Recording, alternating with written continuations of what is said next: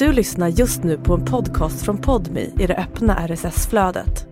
För att få tillgång till Podmis alla premiumpoddar helt utan reklam, prova Podmi Premium kostnadsfritt. Ladda ner appen i App Store eller Google Play.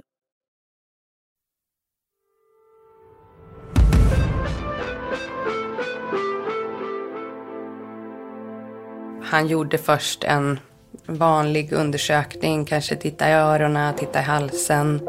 Men sen så sa den här läkaren också att man behövde då titta i underlivet. Men det var någonting som inte kändes rätt. Och på olika sätt så förstod vi att det här var då någonting riktigt, riktigt allvarligt. Men man känner liksom, liksom lika delar hat och förtvivlan. Den unge barnläkaren är en omtyckt, charmig och uppskattad kollega. Ingen anar att han smygfilmar sina patienter och begår grova övergrepp mot barn. Avväpnande är nog rätt ord. Han var ju ganska ung och lite så, tjena tjena, så inte så formell. De här flickorna var mellan två och tolv år. Påverkar den också? Den här typen av filmmaterial eller bilder eller vad man ska säga. Jag är glad att jag inte behöver eh, se eller jobba med det dagligen. Jag visste vad jag riskerade. Men jag visste också, jag har inga val. Det måste göras. Um, han skulle kolla i halsen och lite sådana saker.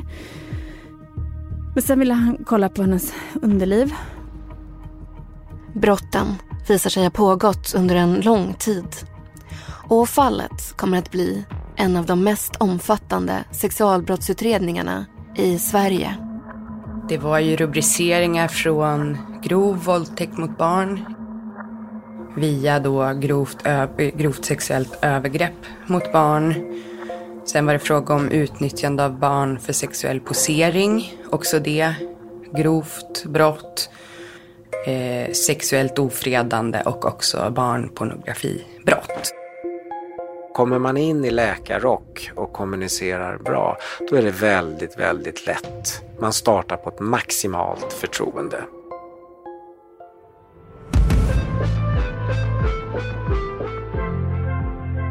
Du lyssnar på Podmi Dokumentär och det här är första delen av Doktor Övergrepp.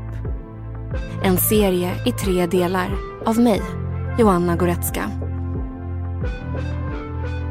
Vi vill varna dig som lyssnar att den här serien innehåller skildringar av sexuella övergrepp mot barn.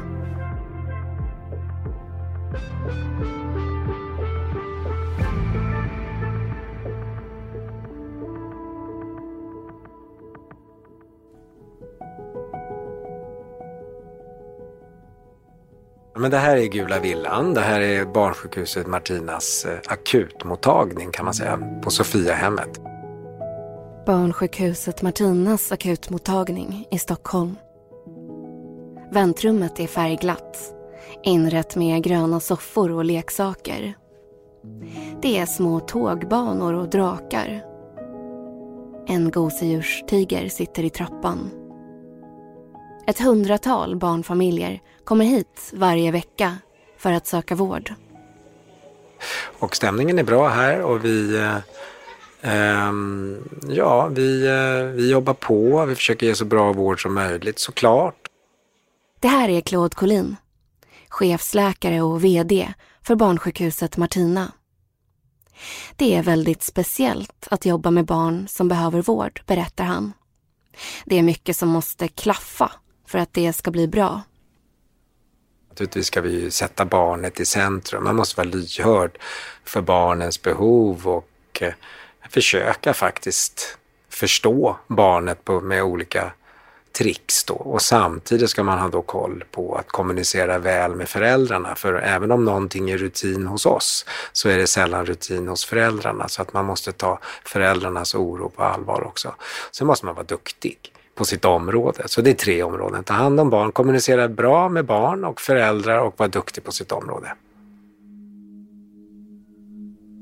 Hösten 2017 börjar en ung läkare jobba på barnsjukhuset. I det här programmet kommer vi att kalla honom för David. Men han heter egentligen något annat.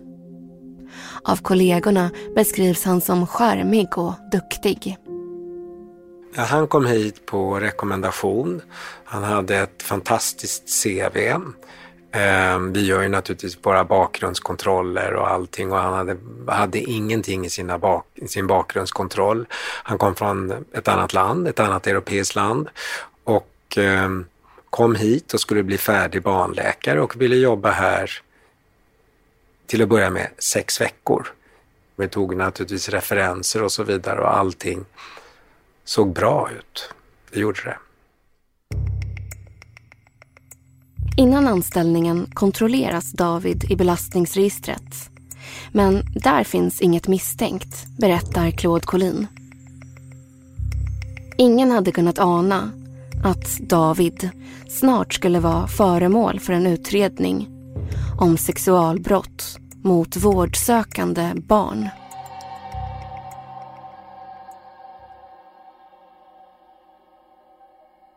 Den unge läkaren har tagit läkarexamen på ett universitet i ett annat västeuropeiskt land några år tidigare och har sedan dess arbetat på sjukhus runt om i hela landet. Nu vill David göra klart sin specialiseringstjänstgöring i Stockholm på barnsjukhuset Martina. Han är särskilt intresserad av pubertetsutveckling. Kollegorna uppfattar honom som självständig och man fick ett bra intryck av honom i början. Han var jätteflitig, sprang omkring villig att ta patienter och kommunicerade väl med övrig personal och var väldigt omtyckt rent generellt. När jag träffade honom så upplevde jag honom ibland som när jag stötte på honom som väldigt stressad. Han var alltid på väg någonstans och han hade sin dator under armen och, och så vidare. Så jag hade en del beröringspunkter med honom och eh, Ja, jag tyckte nog han var lite pressad. Det var någonting med honom. Samtidigt som David tjänstgör på barnsjukhuset i Stockholm är han läkare på Kry. 2017 är den digitala vårdtjänsten relativt ny. Den har bara lanserats två år tidigare. I appen har läkare samtal med patienter via videolänk När David bara har jobbat på barnsjukhuset i fem eller sex veckor så händer något. Claude Collin får ett samtal A lot can happen in the next three years. Like a chatbot may be your new best friend. But what won't change? Needing health insurance. United Healthcare Tri Term Medical Plans are available for these changing times. Underwritten by Golden Rule Insurance Company, they offer budget-friendly, flexible coverage for people who are in between jobs or missed open enrollment. The plans last nearly three years in some states, with access to a nationwide network of doctors and hospitals. So for whatever tomorrow brings, United Healthcare Tri-Term Medical Plans may be for you. Learn more at uh1.com. Say hello to a new era of mental health care. Cerebral is here to help you achieve your mental wellness goals with professional therapy and medication management support. 100% online You'll experience the all new Cerebral Way, an innovative approach to mental wellness designed around you. You'll get a personalized treatment plan from a therapist, prescriber, or both in a safe and judgment free space. Your cerebral therapist or prescriber will outline a customized plan with clear milestones along the way so you can get to feeling your best. With Cerebral, you're not alone in your mental health journey. We're here to empower you to live a fulfilling life. So take that first step towards a brighter future and sign up today at cerebral.com slash podcast and use code ACasts to get 15% off your first month. Offer only valid on monthly plans. Other exclusions may apply. Offer ends July 31st, 2024. See site for details. Tal i slutet av november. Det är en förälder som ringer som har besökt sjukhuset ett par dagar tidigare. Det är något som gnager Chefsläkaren minns samtalet väl.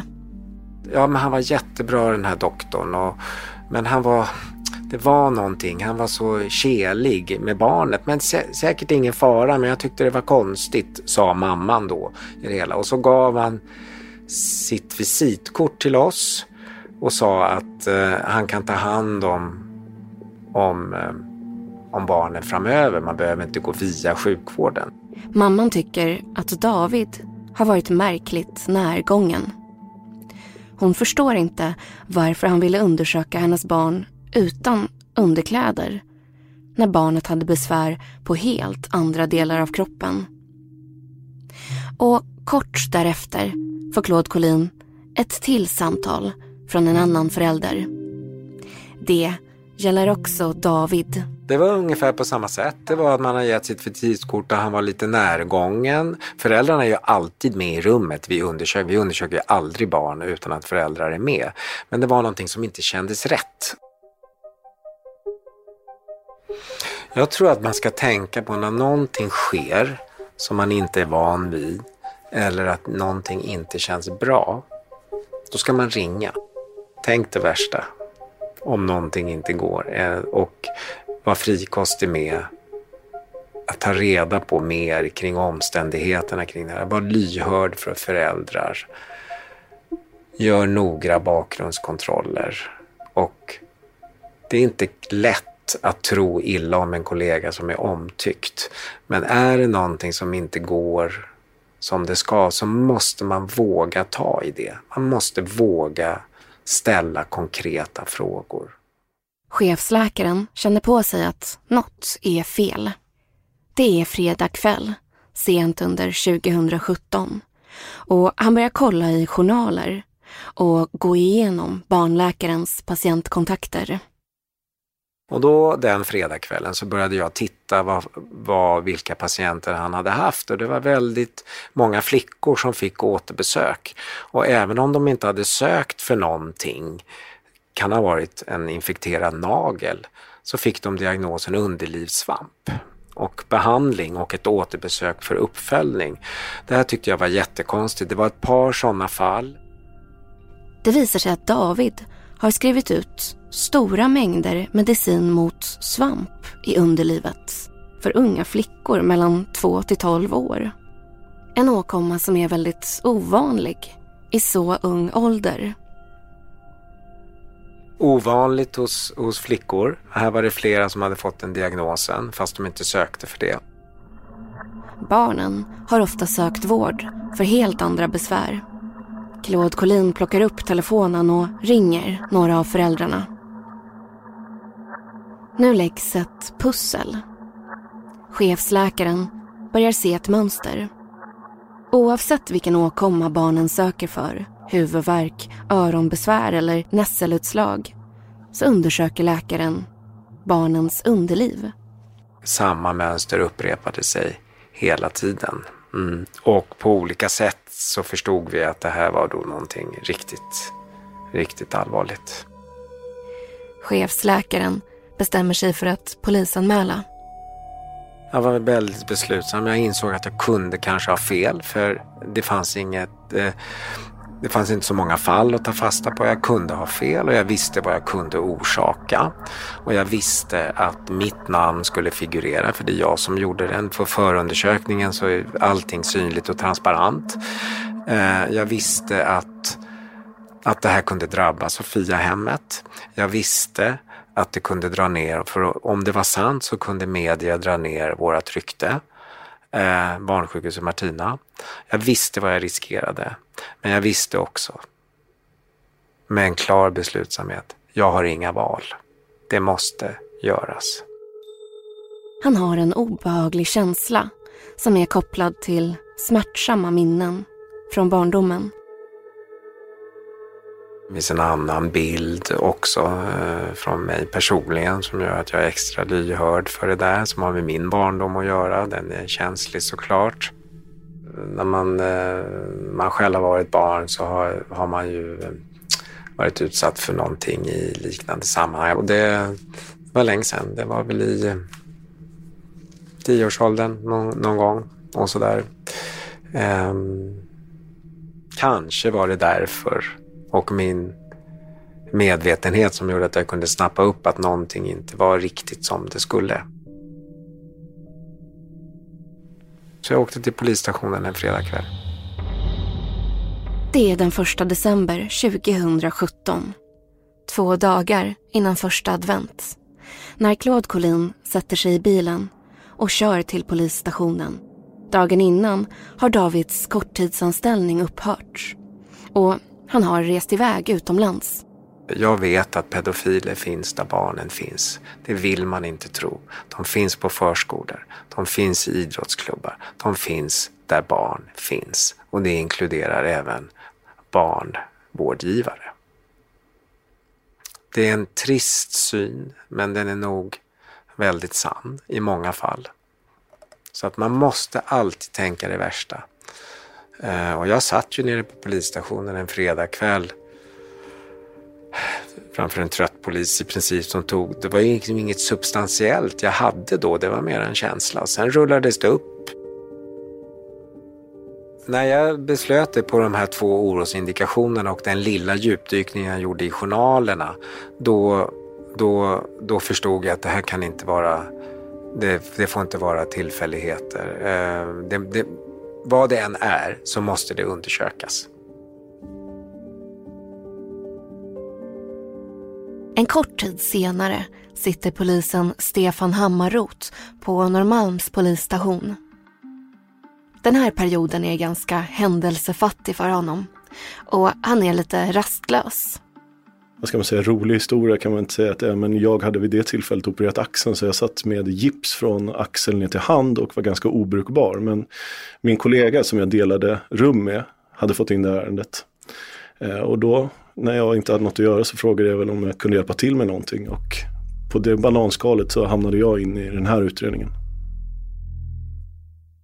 Stefan Hammarroth anar inte att ärendet som han nu har fått på sitt bord kommer att bli den mest omfattande utredningen som han har jobbat med dittills. Ärendet handlar till att börja med om fyra fall Nej, det var ju omöjligt att veta då. Eh, utan att ha exakt eh, siffra i huvudet så tror jag att det rörde sig om eh, ett par sexuella ofred. Selling a little or a lot? Shopify helps you do your thing however you cha-ching. Shopify is the global commerce platform that helps you sell at every stage of your business. From the launch your online shop stage to the first real life store stage. All the way to the did we just hit a million orders stage. Shopify is there to help you grow. Shopify helps you turn browsers into buyers with the internet's best converting checkout. 36% better on average compared to other leading commerce platforms because businesses that grow grow with Shopify. Get a $1 per month trial period at shopify.com/work. shopify.com/work. Den som brottsrubriceringen var initialt. Och det är inte ovanligt eh, att det kommer in den typen av ärenden och det är helt omöjligt för i det skedet att veta vilken utveckling eller omfattning det skulle ta sig. Först försöker polisen utröna om sättet som läkaren genomför sina undersökningar på kan vara befogat. Så man får ju vara väldigt försiktig i början, särskilt när det rör den här typen av eh, brott, eh, karaktären av det, alltså sexualbrott och att det kan röra unga personer. Då får man gå försiktigt fram för allas eh, skull, inklusive den personen som har pekat ut som misstänkt av de som har polisanmält det. Sen vad det skulle ta vägen och vem som faktiskt har rätt eller fel, det är ju för tidigt för oss att säga då, särskilt när det rör den här typen av ärenden som innefattar en hel del eh, sjukvård. Vi är poliser, vi är inte utbildade läkare eller ens sjuksköterskor eller liknande av naturliga skäl naturligtvis. Så att där måste vi ta hjälp av expertis för att se vem som faktiskt har rätt i respektive fall som rör just den biten av eh, ärendet. Till att börja med utreds fyra fall. Men snart uppstår en oro att det kan finnas fler misstänkta brott. Under sina år i Sverige har David träffat hundratals patienter. Kan fler ha drabbats? Vid den här tidpunkten har den unge läkarens anställning med barnsjukhuset Martina avslutats och han har blivit avstängd från Kry vid utredningens början. Han har rest iväg utomlands. Claude Collin och hans kollegor ringer till familjer som har varit i kontakt med läkaren på Martina. De uppmanar familjerna att kontakta polisen om de har varit med om obehagliga situationer med den misstänkte mannen. För det första så, så är vi ju så att vi inser hur känsligt det här kan vara och hur det kan skuldbelägga föräldrarna. Men det hindrar ju inte att vi gör det. Utan det här var ju medan utredningen pågår och, och eh, man ringde upp och så sa vi att vi misstänker att vi har haft någon här som har undersökt er dotter. Um,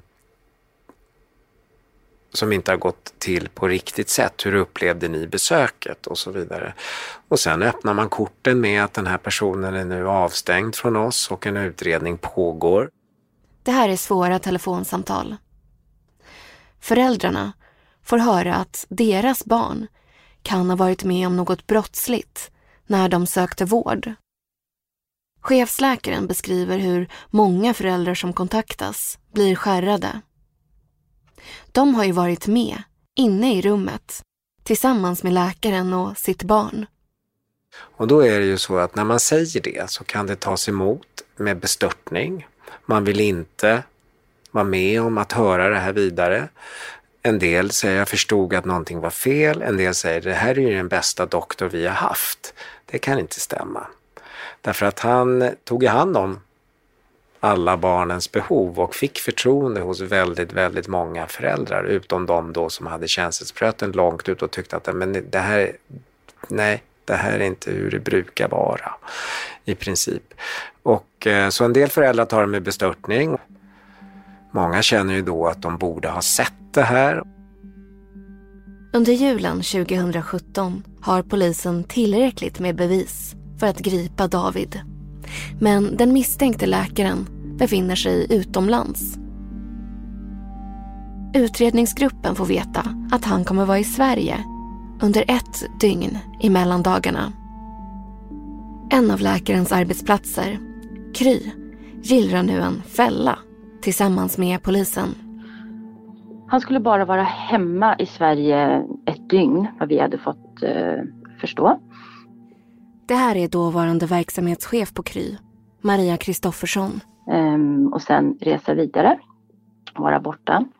Uh, så vad vi gjorde då var att uh, vi kallade in honom till kontoret och uh, berättade för polisen att han, han kommer att vara här då och då den här tiden. Det låter som en fälla. Ja, det, det var det. Det var, det var genomtänkt. Vi ville att polisen skulle få tag på honom den 27 december 2017 grips läkaren på Krys huvudkontor. Och dagen innan nyårsafton, den 30 december, gör polisen en husrannsakan i läkarens hem. På Davids dator hittas hundratals timmar filmat barnövergreppsmaterial. Det är 783 filer 580 av videofilmerna bedöms innehålla grovt barnpornografiskt material. Man hittar också filmmaterial som läkaren själv filmat under olika undersökningar av barn mellan 2 och 12 år. Det framgår av filmerna att läkaren filmat besöken med en kamera som varit placerad i en bröstficka i hans kläder. Polisen Stefan Hammarot är en av dem som hanterar materialet under utredningen. Påverkar den också den här typen av filmmaterial eller bilder eller vad man ska säga. Jag är glad att jag inte behöver eh, se eller jobba med det dagligen. Jag beundrar de som gör det inom myndigheten. Det är ju väldigt tufft. Eh, personligt eh, väldigt jobbigt. Alltså, eh, det var en ny erfarenhet för mig att utreda sexualbrott. Det har jag inte gjort förut på den omfattningen. Eh, och när det är så pass unga personer inblandade så är det ännu tuffare rent känslomässigt och personligt. När David grips och häktas börjar sjukhus där han tidigare varit anställd att gå igenom hans patientkontakter för att fånga upp misstänkta fall. Ett sjukhus där David arbetat en längre tid går igenom tusen journaler och kontaktar alla hans patienter. Snart anmäls läkaren för nya brott. Han misstänks ha utsatt barn för sexuella övergrepp i samband med läkarundersökningar på olika vårdinrättningar. Eh, förstod vi att det ökade, eller kommer öka, för det kom in eh, polisanmälningar från eh, andra platser och även uppgifter om eh, oegentligheter vid andra tillfällen också då. Och då började vi väl förstå att det här kan växa. Blev ni förvånade över omfattningen? Det skulle jag nog ljuga om jag sa något annat. Det är klart vi blev förvånade. Eller jag, jag får återigen prata för mig själv. Är, man blir förvånad när det rör så pass många. Um, ledsen. Det är klart man blev ledsen och förvånad. Eh, men det stärker också ens egen vilja att göra så bra arbete som möjligt för att hjälpa de här personerna. Eller ge upprättelse kanske man ska säga. I många fall har det gått flera månader eller år mellan det misstänkta övergreppet och en polisanmälan.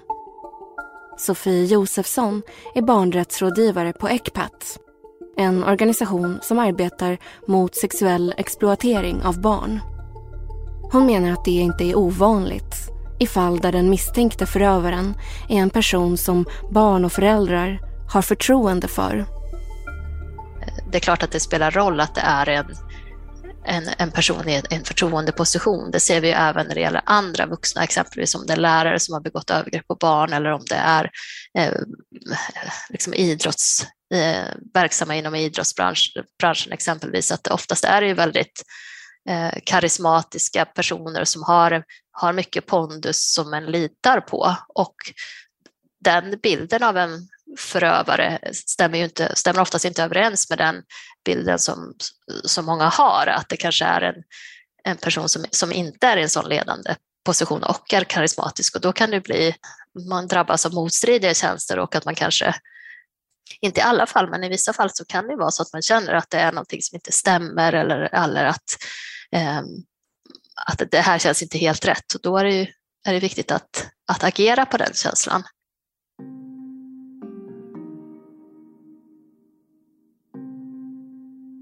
Det var när han hade blivit gripen och medierna skrev om det. En förälder som reagerar på rapporteringen är Karin. Hon är mamma till en fyraårig flicka. En kväll under julen 2017 sitter hon hemma och tittar på nyheterna med sin man. När det rapporteras om en läkare som gripits. På tv säger en reporter att läkaren ska ha jobbat på flera sjukhus runt om i Sverige och på vårdtjänsten Kry. Alltså jag, jag och min man kollade och vi var båda så här, men gud, tänk om det är han? Jag kommer inte ihåg vad brottsrubriceringen var men det var ju att han hade förgripit sig på barn under en undersökning. Karin och hennes man stelnar till.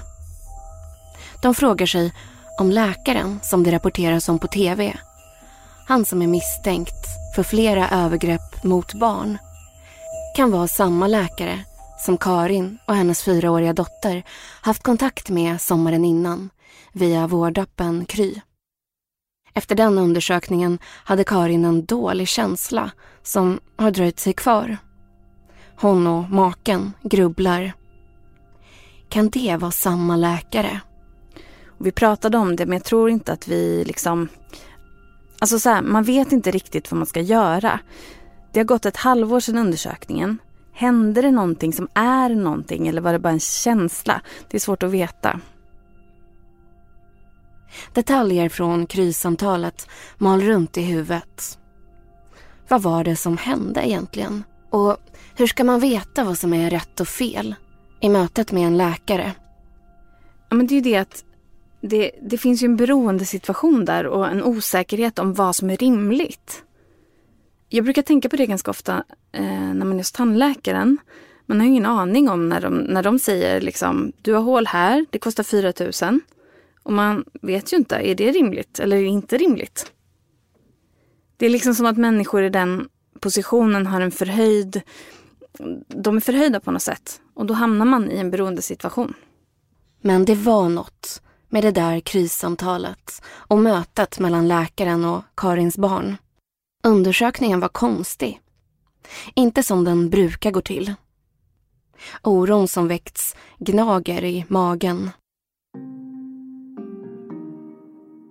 En kort tid senare, när Karin är tillbaka på jobbet efter julen, så har hon ett samtal med sina kollegor. Nyheten om läkaren tas upp. Efter det samtalet så googlade jag upp hans namn. Eller jag gick in på Flashback. Och där stod det. Och så gick jag in i min dotters journal och kollade och det var ju samma namn. Där står det, svart på vitt. Läkaren som det rapporteras om, som är misstänkt för sexuella övergrepp mot barn, är samma läkare som har undersökt Karins fyraåriga dotter. Det är det som är så svårt, för jag... Om jag hade ringt upp Kry efter våra samtal, då vet jag inte om något hade hänt. Jag vet inte vad de hade gjort. Samtidigt som jag vet inte vad det hade kostat mig att göra det heller. Att vara lite jobbig. Och så den där känslan bara, vad fan! Man ska lyssna på sin magkänsla. Så tänker man, fan tänk! Om jag hade reagerat direkt så hade han liksom inte haft det där fönstret. Att fortsätta. En krypande känsla drabbar Karin. Att någon kanske har velat göra hennes barn illa. Med henne, mamman, som verktyg. I nästa avsnitt av Doktor Övergrepp. Vad var det som hände när Karin och hennes fyraåriga dotter sökte hjälp hos David? hon hade bara underkläder på sig för det var en varm sommardag. Och så ville han titta att hon inte hade några prickar på magen och lite sådana grejer som man kan få av du vet, sån tre dagars eller fem dagars feber. Um, han skulle kolla i halsen och lite sådana saker. Och fallet växer sig större än vad man först trott. Ganska snart så insåg vi att det var fråga om många, många misstankar. Där barn finns, där kan pedofiler finnas. De här flickorna var mellan 2 och 12 år. Men de flesta av flickorna var mellan 6 och 10 år. Det känns för jävligt. Det känns för jävligt. Han hade eh, tittat och, i och berört det här barnets underliv som då var blottat. Och också eh,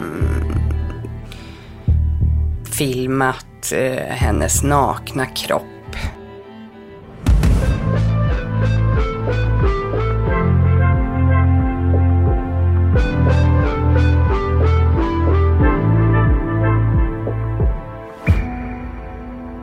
Du har lyssnat på första delen av Doktor Övergrepp. En podmi dokumentär i tre delar av mig, Joanna Goretzka, från produktionsbolaget Filt. Producent Clara Loden. Exekutiv producent hos Podmi Emilia Melgar Arnheim. Tekniker Astrid Ankarkrona. Karin heter egentligen något annat och vi har bytt ut hennes röst. Läkaren nekar till brotten och han har via sina advokater avböjt att medverka i programmet.